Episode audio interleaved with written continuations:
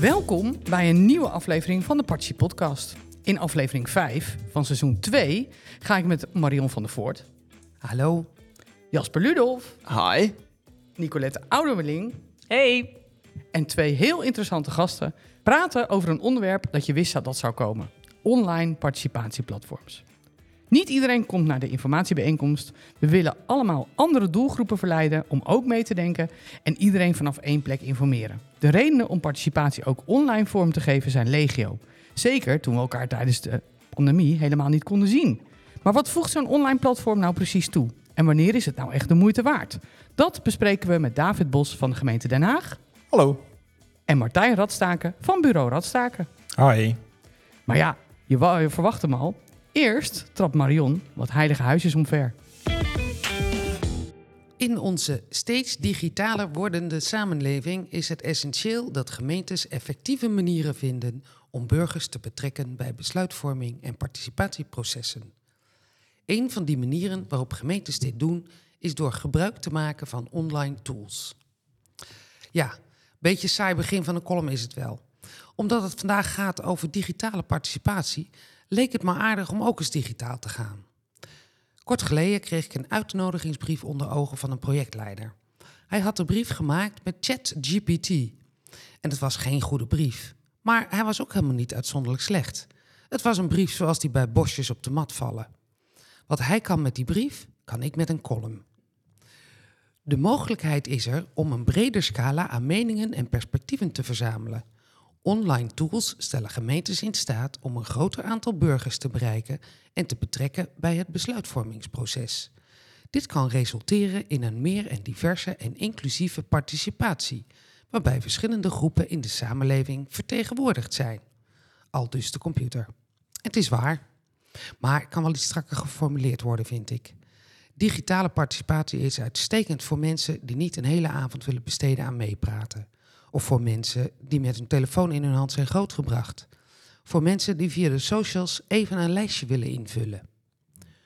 Een potentieel nadeel is het gebrek aan persoonlijk contact en de directe interactie bij online participatie. Bij online tools bestaat het risico dat het debat oppervlakkiger wordt en dat de betrokkenheid van burgers beperkt blijft tot het geven van een korte reactie of het invullen van enquêtes. Kijk, nou zijn we het eens, de robot en ik. Top dat digitale als één van de manieren. Maar uiteindelijk gaat het er toch om dat mensen zich gezien weten en gehoord worden. Dat er een gesprek kan plaatsvinden. Niet alleen maar het spuien van meningen tegen elkaar, maar ook een gesprek op zoek naar de beste versie, een optimaal plan, beetje polderen en wat begrip over en weer. Dus die robot is zo gek nog niet. Oké, online platforms dus. Eh, maar dan moeten Jasper en ik nog even wel wat uitleggen. Ja, ja, zeker. Want wij werken natuurlijk bij MET en wij maken online participatieplatforms. Ehm, en uiteraard adviseren wij van WC Eend, WC Eend, maar vandaag even niet. Dus ja, we hebben bewust gekozen en eh, we hebben twee gasten uitgenodigd die juist niet met ons platform werken, zodat we geen sociaal wenselijke antwoorden krijgen. Dus dat hebben we dan even gezegd. Tijd voor David en Martijn. Kunnen jullie eens kort vertellen wie jullie zijn? David? Ja, zeker. Eh, David Bos. Ik ben participatieadviseur bij de gemeente Den Haag. En ook eh, product owner van eh, Open Stad. Dat is het digitale participatieplatform wat wij binnen de gemeente gebruiken. En Martijn? Ehm, ik ben Martijn Radstaken, ik ben van bureau Radstaken. Wij doen heel veel met Console, dat is ook een online participatieplatform, open source. En wat we daarnaast doen, doen heel veel participatieontwerpen. Dus we ontwerpen heel veel processen voor gemeentes, ja, overheden, maar ook af en toe voor eh, particuliere instanties. En dan eh, ga ik gewoon met de deur in huis vallen. Ehm, Zo'n online platform, hè, dat vraagt gewoon tijd en energie en een heleboel middelen. Maar wat levert het nou op, Martijn? Ehm, ja, dat is altijd een hele mooie vraag. Wat levert het op? Ehm, wat je, ja, het ligt er ook aan wat, wat een gemeente of een overheidsinstantie erin wil stoppen. Dus het kost zeker heel veel energie om het goed neer te zetten. Ik zeg altijd, het kost eh eh, 80% eh, is het proces en, ti- en 20% is de techniek. Ja, het levert veel draagvlak eigenlijk op het moment dat je het goed doet. Het, het levert op dat je eh, meerdere mensen kunt bereiken die hun eigen tijd eh, eh, eh, eh, mee kunnen doen. Wij waarschuwen altijd wel dat, eh, dat het nooit een offline en online moet altijd een combinatie zijn. Het is nooit alleen online. Ehm, maar het vraagt niet alleen maar eh, tijd en geld, het vraagt ook wel wat lef.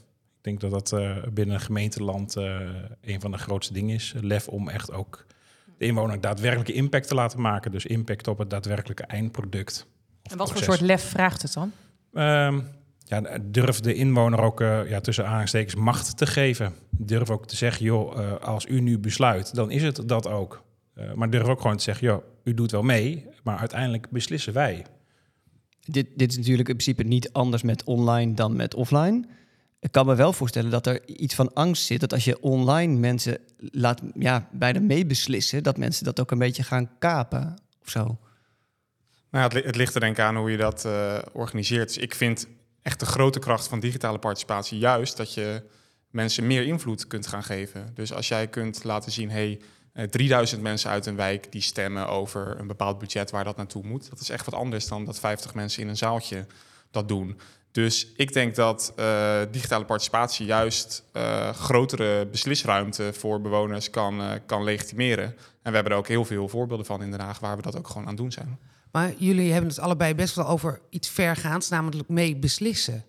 Het is, dat is natuurlijk toch iets anders dan ideeën aanleveren waarmee uiteindelijk een raad iets beslist, bijvoorbeeld of zo.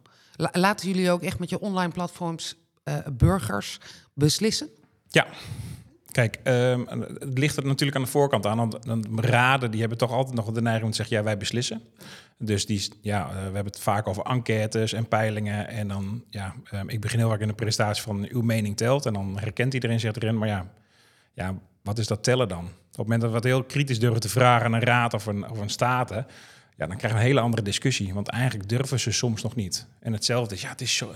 Ja, het wordt vergeleken met social media. Wow, wat gebeurt hier? Wat, wat, wat gaan we nu doen? Hoe eng is dat? Ja, dat vraagt die lef. Dat vraagt wel, ja, eh, stel goede ballen om, eh, om te zeggen, joh, wat, wat we hier nu neerleggen en van tevoren afspreken, daar houden we ons ook aan. Ehm, dus het is ook niet erg, maar dat, dat je, wat je heel goed zegt, eh, als we iets voorleggen en ze mogen meebeslissen of ze mogen meepraten, wees ook heel duidelijk. Ja, oh, ja, sorry, nog één aanvullende vraag. Maar hoe, eh, met wie stem je af wat het niveau van participatie of wel of niet besluiten is in de organisatie of, of politiek misschien? Ja, ja dat, dat, is altijd, dat is altijd verschillend. Ehm, wat wij altijd zeggen, ja, wie kan de participatiebelofte doen? Dus is dat een, een raad? Is dat eh, bij gewoon een zak geld, dus een burgerbegroting? Ja, is dat, is dat de geldschieter, laat maar zo zeggen? Eh, en, en politiek en in beraden, ja, dan ligt daar toch wel de besluitkracht. Ja, want dan ben ik even benieuwd. ehm, eh, David, hoe zit dat bij de gemeente Den Haag? Want jullie zijn natuurlijk een grote gemeente, een, een best wel onrustige gemeente, hè? onrustige tijd achter de rug. En ondertussen hebben jullie echt een afdeling participatie. Hoe is dat tot stand gekomen en hoe zie je de toekomst daarvan dan? Ehm, nou ja, dat is eigenlijk in, in eh 2020 is ons huidige programma Haag Samenspel ontstaan. En dat programma is dus echt gericht op eh, betere participatie. Hoe kunnen we die kwaliteit van participatie nou omhoog krijgen?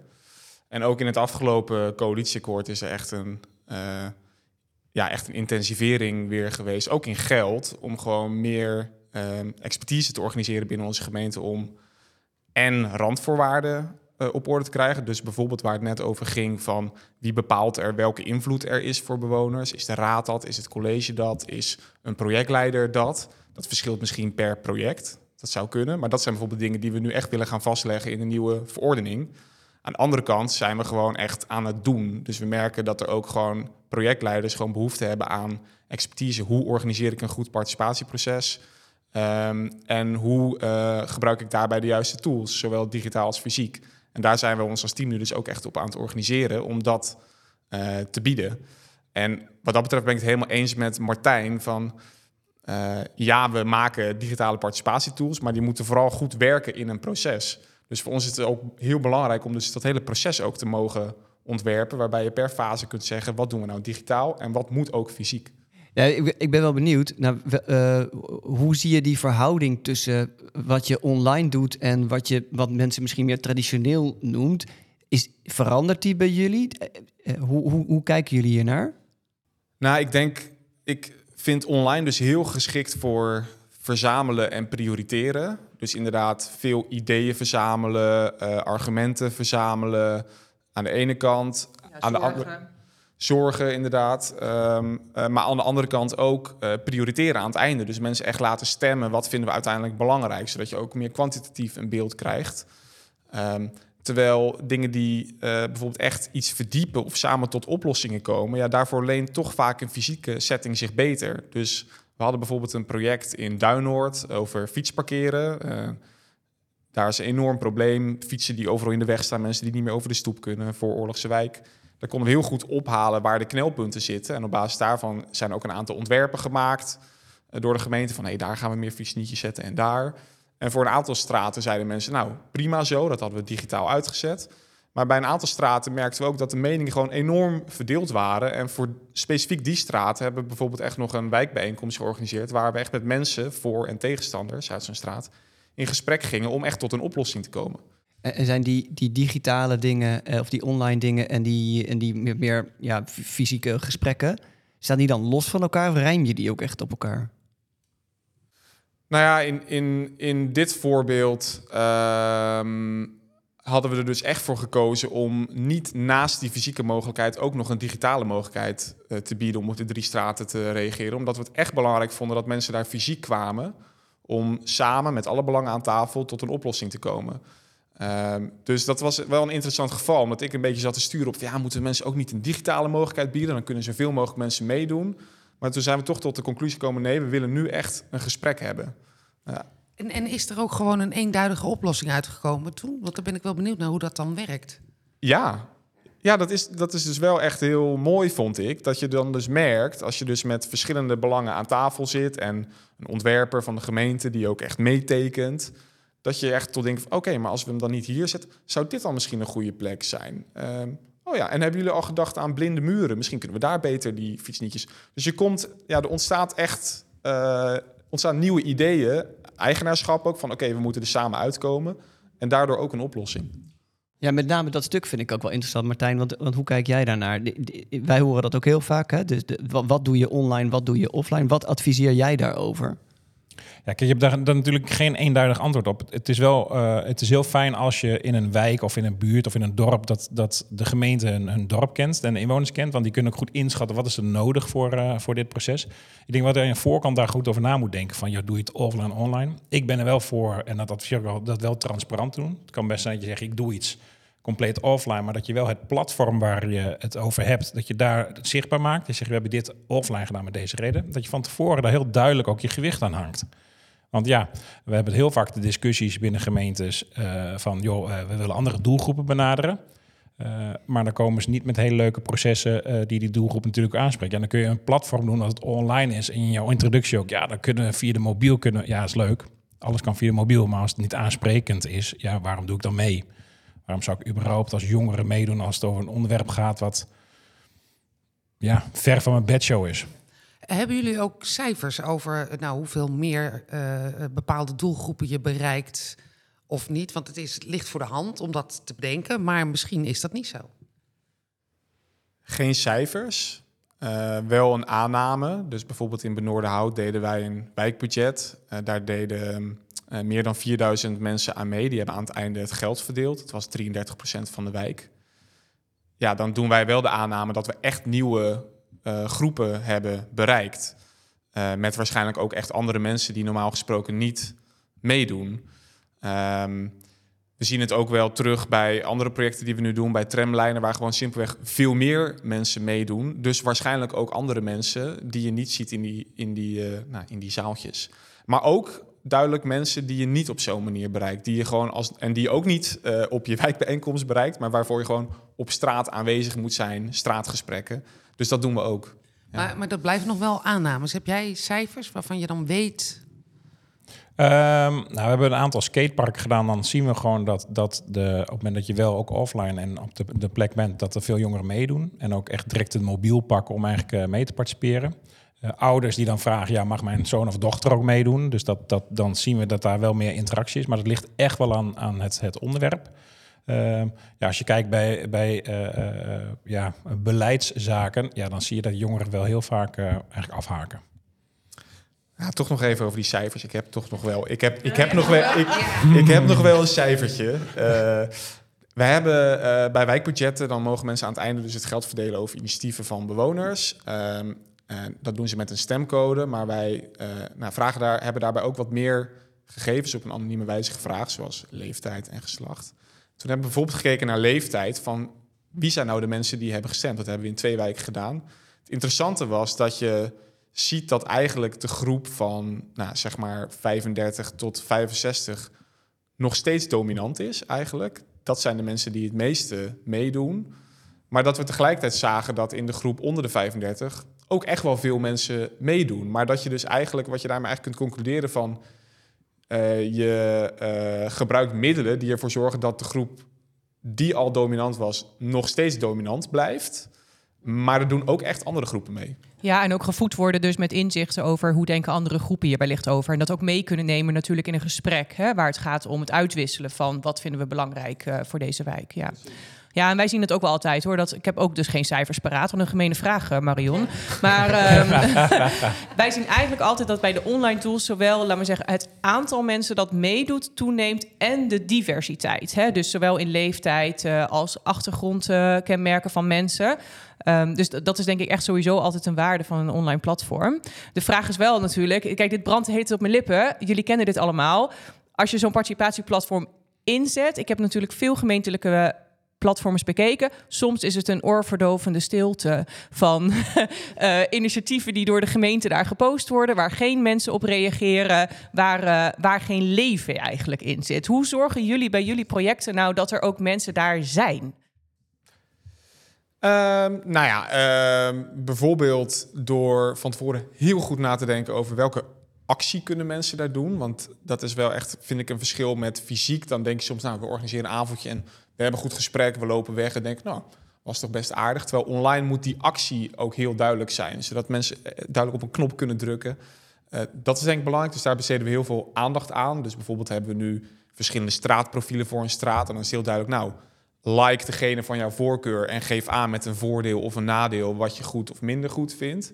Dat is denk ik belangrijk. Nou, die communicatiemix is natuurlijk essentieel. Daar lopen we echt wel tegenaan bij sommige projecten, dat er gewoon heel beperkte communicatie uh, wordt gedaan.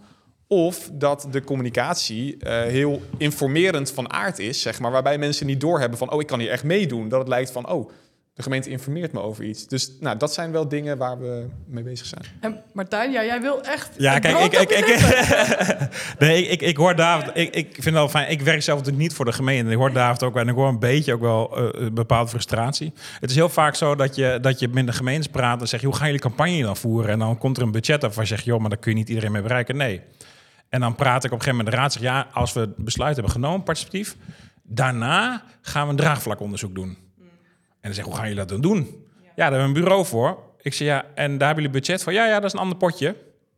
Ik zeg ook, en als we dat potje nou eens bijplussen bij ons de communicatiecampagne en ervoor zorgen dat iedereen bewust niet meedoet. Hè? Kijk, je, je, de, dat mensen zeggen: Oké, ik doe bewust gewoon niet mee. Ik heb het gezien, maar dit interesseert me, ik doe niet mee. En de rest doet mee. Of andersom, je vraagt wie doet er wel mee.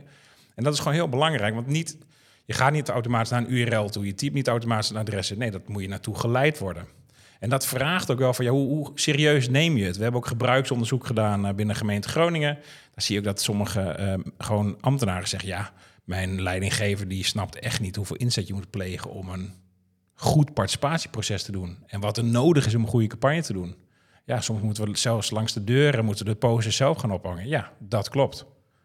Maar dat kost geld. Dat kost en dat verandert het inzet van online dus niet. Nee, absoluut niet. Nee, ja, je kunt zeggen, ik heb een platform en daar gaan we veel campagne doen. En dan kun je social media campagnes werken altijd heel goed, want er komen wel mensen op af. Maar ja, dat, dat, uh, als dat in een wijk gebeurt, ja, wil je daar ook wat, uh, een lage letterde wijk, ja, dan wil je andere intensiteit doen dan dat je een, een brief door de deur gooit. Nou, dat is wel interessant. Van, we hadden bijvoorbeeld zo'n tramlijnenproject in Transvaal en Schilderswijk. En daar werd ook een, zeg maar, een social media campagne tegenaan gegooid... waarmee mensen dan naar de website werden geleid waar ze konden reageren. Wat doen mensen? Mensen reageren gewoon onder die social media posts. Oh, dit is zo herkenbaar. Ja. Wat, wat prima is, want die reacties kun je, kun je wel meenemen. Maar dat laat ook wel zien dat soms ook een digitaal participatieplatform voor sommige mensen ook gewoon een stap te ver is.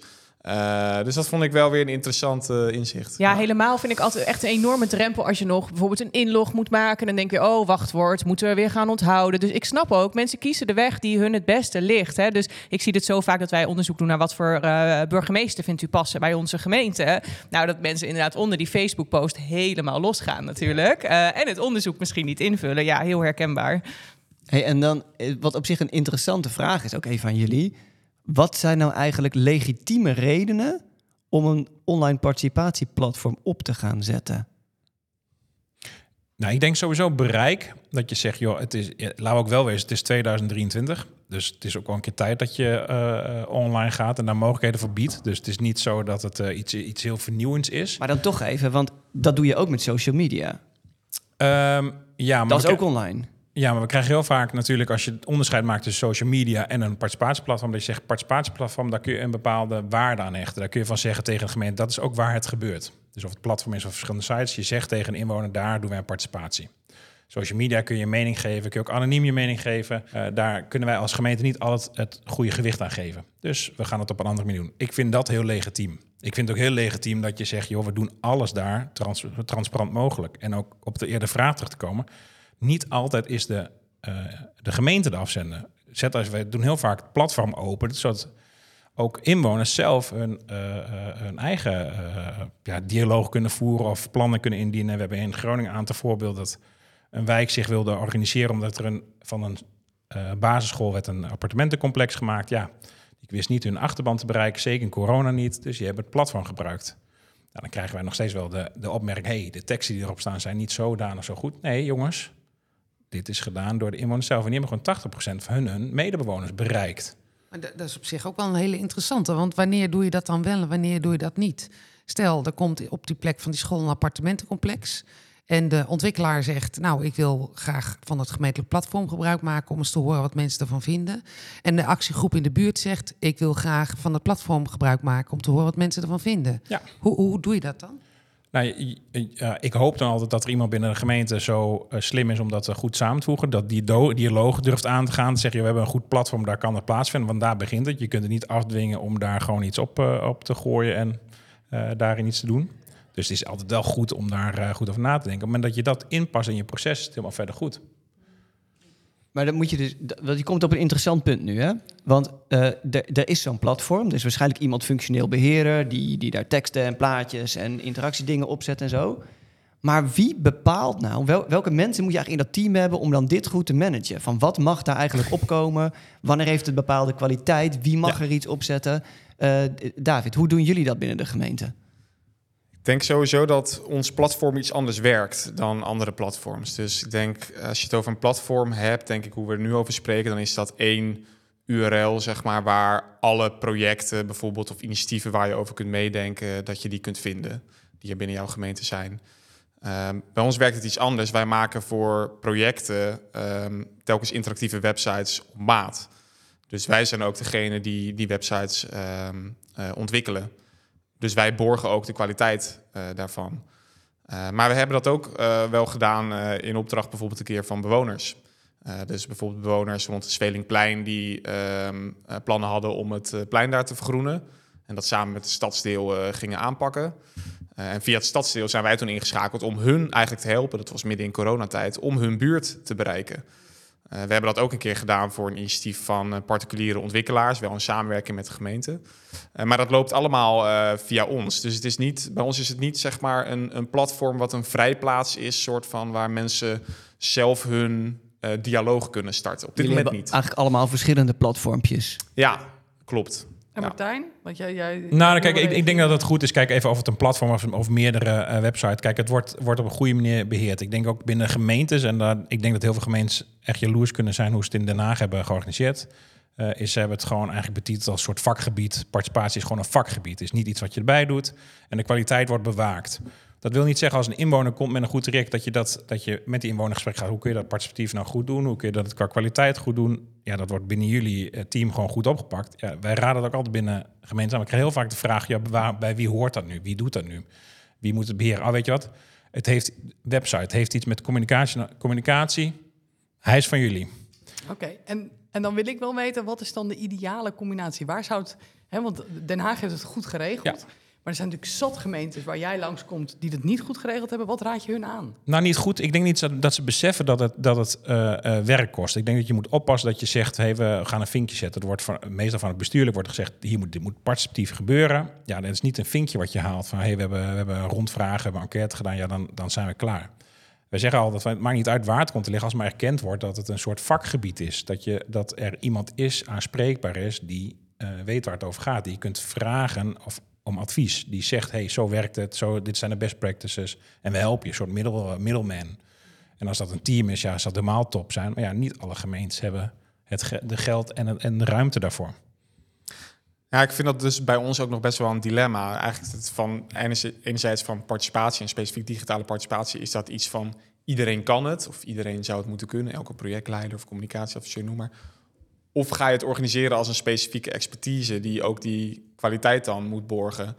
En ja, de realiteit is, wij zijn een teampje van vijf participatieadviseurs, één UX-designer, één webredacteur. We kunnen maar een beperkt aantal projecten aan, omdat we ook eh, vaak niet alleen de digitale tools op maat willen maken, maar ook ehm, het hele procesontwerp eigenlijk willen maken voor zo'n participatietraject. Dus eh, terwijl er bij wijze van spreken misschien wel 100 tot 200 participatietrajecten die we doen in Den Haag, waarbij nu heel vaak misschien de mogelijkheden van digitale participatie nog niet benut worden omdat wij geen capaciteit hebben en wij beheren dat eh, platform. Dus wij zijn er ook wel zoekende naar hoe we die tools misschien ook eh, In de organisatie meer kunnen ontsluiten. Of, eh, ja, dat mensen daar makkelijker zelf gewoon ook mee aan de slag kunnen. Of dat je een soort adviesgesprek hebt, maar daarna dat, dat collega's dat gewoon zelf kunnen doen. Eh, dus dat is ook. eh, en dat je met name voor projecten waar je wel meer maatwerk eh, wilt hebben, dat je daar eh, dan echt specifieke expertise op zet. Maar, maar, mag ik jou heel kritisch, maar is dat ook niet, als het een project is met meer geld, die kan makkelijker bij je aankloppen dan een project wat geen geld heeft? Klopt ook nu. Ja. Dan ben ik nog eventjes nieuwsgierig. Zit het dan onder de afdeling communicatie of zit het bijvoorbeeld onder de afdeling projectmanagement? Bijvoorbeeld. Nou, Of op, op eh, zich is- ruimtelijke ordening. Ja, want op zich is het al best luxe dat je vijf mensen en nog wat andere Ja, mensen hebt die ja. Alleen voor participatie zijn. Er zijn denk ik heel veel gemeentelijke mensen die zitten te luisteren en daar jaloers van worden. ja, snap ik. Maar, maar waar zit het dan ergens in de organisatie? Want dat zegt ook wel iets, denk ik. Ja.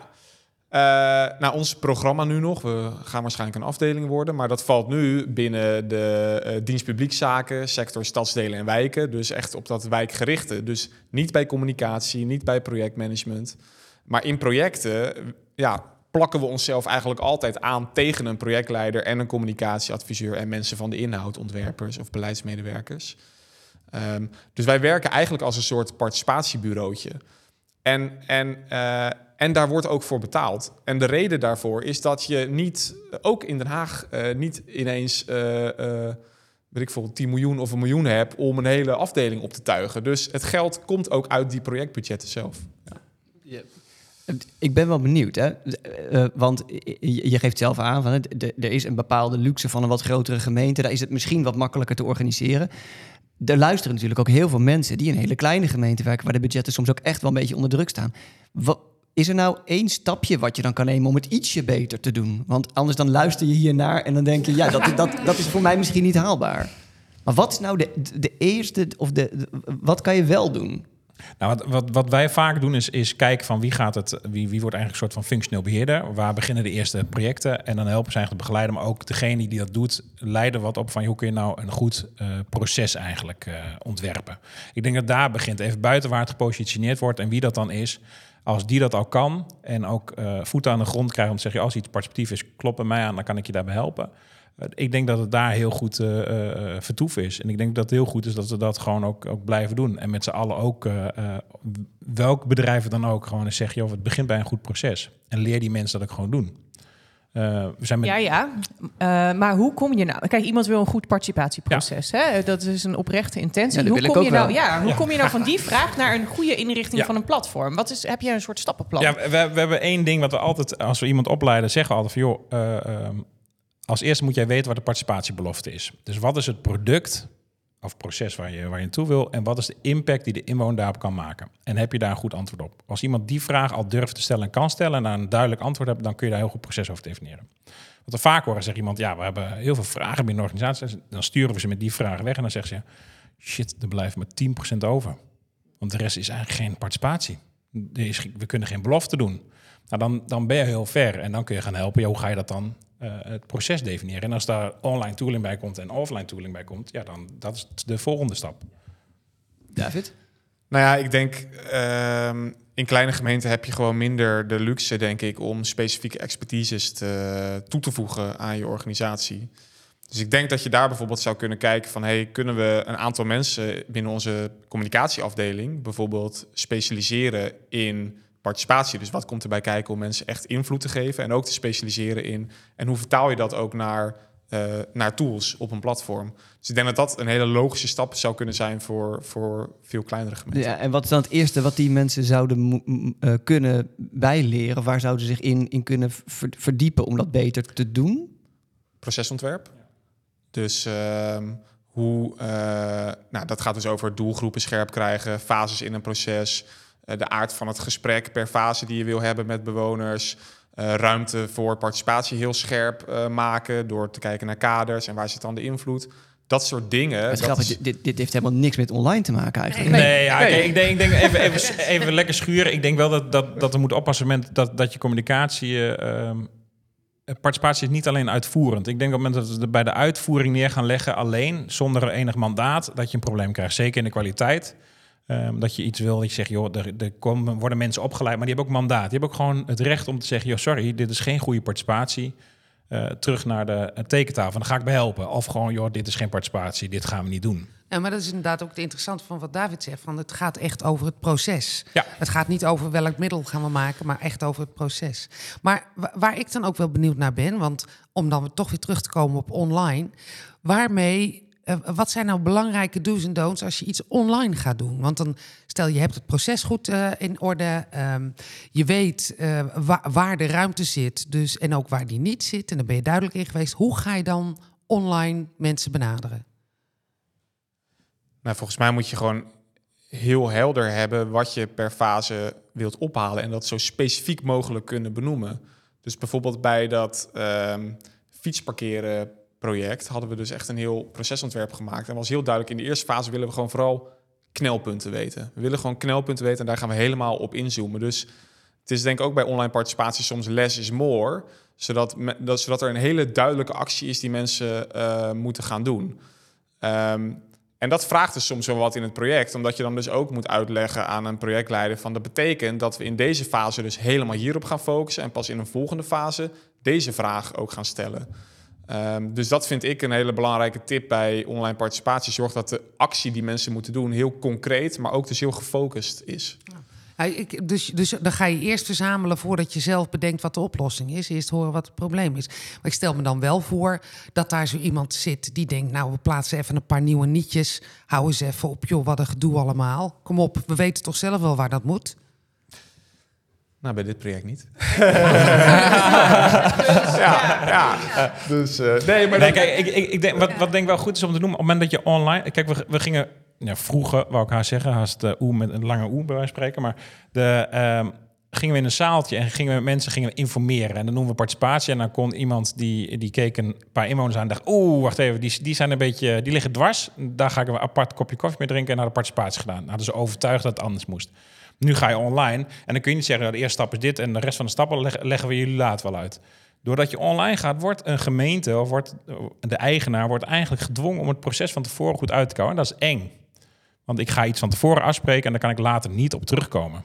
Je kan, ik hoor Martijn zeggen, het proces natuurlijk wel ehm, eh, aanpassen. Hè? De- dat met die fiets, eh, eh, fietsparkeren, daarin eh, is online iets opgehaald. En vervolgens kregen jullie toch het idee, oeh, er zit, hier, er zit hier een dingetje en nu gaan we offline. Dat is toch anders dan dat je dat proces, of dan moet je wel de vrijheid hebben, ook in je online participatie denk ik, om te zeggen, nu doen we even een stapje eruit. Of Ja, maar dat, moet je, dat ga je uitleggen. Dus, dus, dus het gebeurt openbaar. Op het moment dat je dat doet, zal het niet zo zijn... nou, hey, we zien in één keer niks meer op platform. Nee, dan is, neem ik aan, hoop ik, gecommuniceerd van... joh, hey, eh, we zien toch dat iets anders nodig is voor het participatieproject. Dus we sturen bij. En dat is helemaal niet erg. Lekker transparant. Mensen snappen dat. Eh, dat- dus, dus daar is... Ja, dus vanuit duidelijkheid heb je juist ook ruimte om af te wijken als het nodig is. Ja, Eh, precies. ja. Is, Nee, is- ik wil echt nog één vraag stellen voor de Oh, luisteraars. Voor de luisteraars. Zeg David, ik denk te weten, heb je nou ergens een leuk voorbeeld van zo'n procesontwerp? Wat, je, wat we kunnen delen met de luisteraars, zodat ze een beetje kunnen afkijken? Ja, zeker. Uh, dus je zou bijvoorbeeld een, uh, een kijkje kunnen nemen op uh, duinoordfietst.denhaag.nl. Dat is dat fietsparkeren project. Ja. Waar je dus een hele mooie tijdlijn ziet en ook kunt terugzien hoe mensen op verschillende momenten konden meedoen, online en offline. Ja. Ja, maar dan vind ik ook dat Martijn even een mooi voorbeeld ja. mag noemen. Um, ik vind een van de leuke dingen die ontstaan is binnen Enschede. Dus de stem van Enschede.nl. Die zijn eigenlijk op een gegeven moment begonnen en de belofte gaan. We gaan elke maand gaan we een brief plaatsen online en dan mogen mensen commentaar op geven. Dus we gaan samen met inwoners brieven schrijven. En dan zie je dat er gemiddeld per brief 90 tot 150 reacties komen en er gewoon betere brieven ontstaan.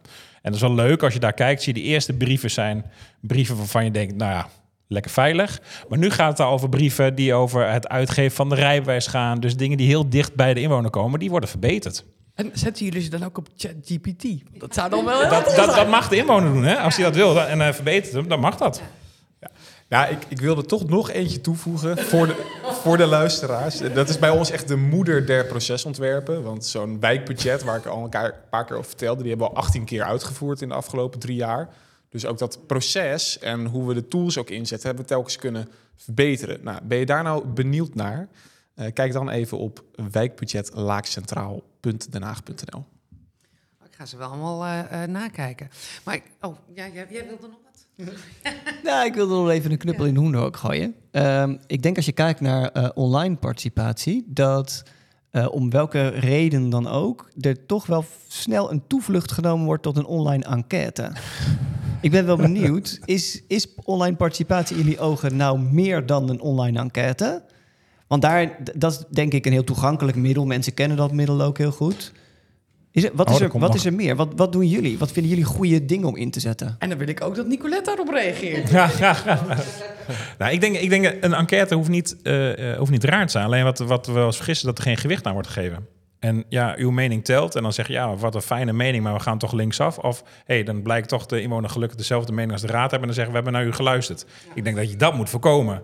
Het is wel zo dat je moet zeggen van, joh, als we een enquête doen, welk gewicht geven we eraan? En ik vind dat niet ergens dat binnen een raad of binnen een... een eh, dat, dat, dat zeg je, voor 50% weegt dat mee ten opzichte van ons oordeel. Maar geef alsjeblieft gewicht aan.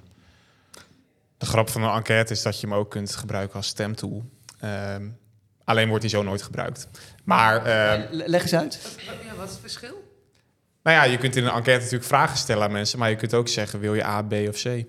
Ja, ik, ja, ja, ik vind ik wat van. Kijk, wij, wij Dan, dan is het geen...